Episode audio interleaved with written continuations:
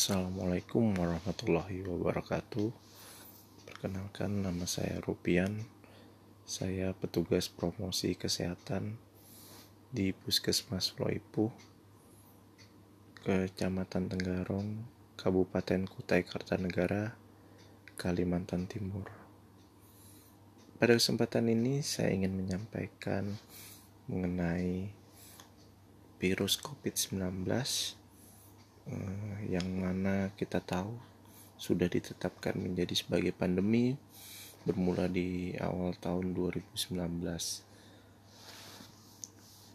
Sebelum kita jauh membahas mengenai virus COVID-19, ada baiknya kita harus tahu dulu apa itu COVID-19.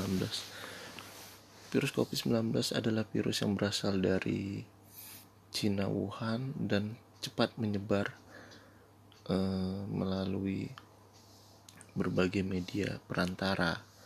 Di antaranya yang kita ketahui adalah melalui percikan air liur pada saat kita berbicara um, maupun melalui uh, apa saat kita bersin melalui droplet atau tetesan air liur dia cara penularannya seperti itu dan uh, untuk penularan sendiri maka itu kita wajib menggunakan masker. Kenapa?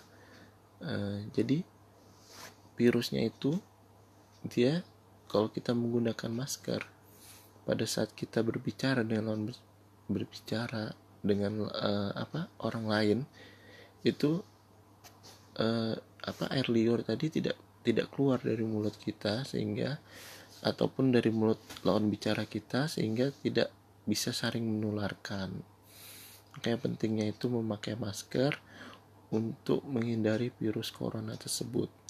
Nah, apa aja sih gejalanya? Biasanya gejalanya yang muncul uh, seperti uh, yang pasti demam. Itu kenapa setiap tempat itu menyediakan tem. Itu adalah salah satu uh, apa? deteksi dini lah ibaratnya kayak gitu. Uh, terus uh, selain demam dia ada juga batuk pilek. Eh, gejala yang khas itu beberapa pada penderita virus corona. Dia kehilangan indera pengecap dan kehilangan indera penciuman.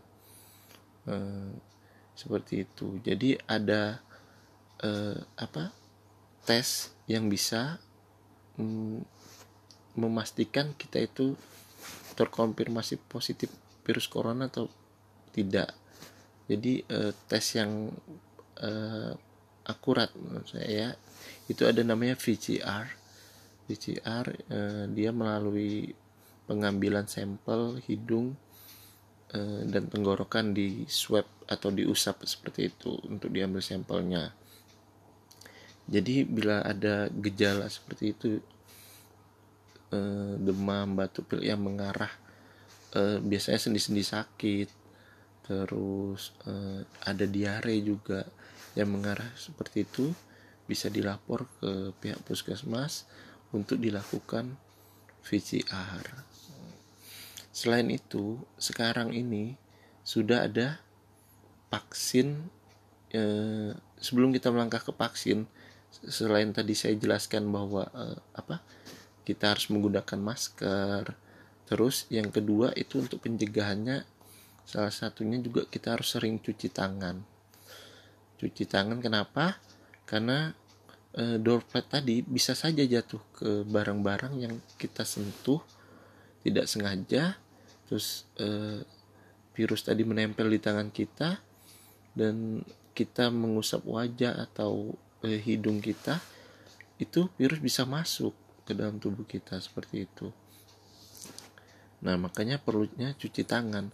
Cuci tangan pun ada langkahnya ya Bapak Ibu ya, ada uh, kit, uh, syaratnya harus menggunakan sabun dan air yang mengalir. Sabun itu sendiri juga uh, mencucinya selama 18 detik. Kenapa? Karena itu uh, dia akan mem, mem, apa, menghancurkan struktur virus itu selama sabun itu sendiri seperti itu. Nah, lanjut ke penanganan selanjutnya yaitu sekarang yang lagi digalakkan pemerintah adalah uh, vaksinasi vaksinasi covid yang sudah ada untuk itu sebenarnya untuk uh, membuat kekebalan imun imunitas atau kekebalan kita. Jadi kita yang mendapatkan vaksin itu nantinya uh, mendapatkan kekebalan dari virus corona sehingga tidak bisa menularkan ke orang yang lain yang tidak bisa menerima vaksin. Jadi uh, ada beberapa mitos mengenai vaksin, ada yang bilang itu apa uh, bisa menyakitkan apa itu. Tetapi untuk kami sendiri yang orang tenaga kesehatan yang awal kali menerima vaksin itu uh, merasakan tidak ada tidak ada gejala apa pun ya mungkin ya sakit karena suntikan pasti ada kayak gitu. Dan uh, tidak ada gejala yang bisa kami rasakan. Vaksin ini didapatkan dua kali man.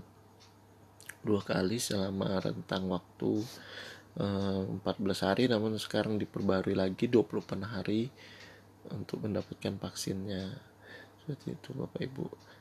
Jadi uh, jangan takut vaksin karena vaksin itu aman uh, halal dan ini juga buat menjaga diri kita keluarga kita agar tidak terpapar COVID-19 sehingga pandemi ini bisa ber, bisa berkurang atau bisa selesai dan kita bisa kembali normal untuk menjalani kehidupan kita. Mungkin demikian yang dapat saya sampaikan. Terima kasih. Assalamualaikum warahmatullahi wabarakatuh.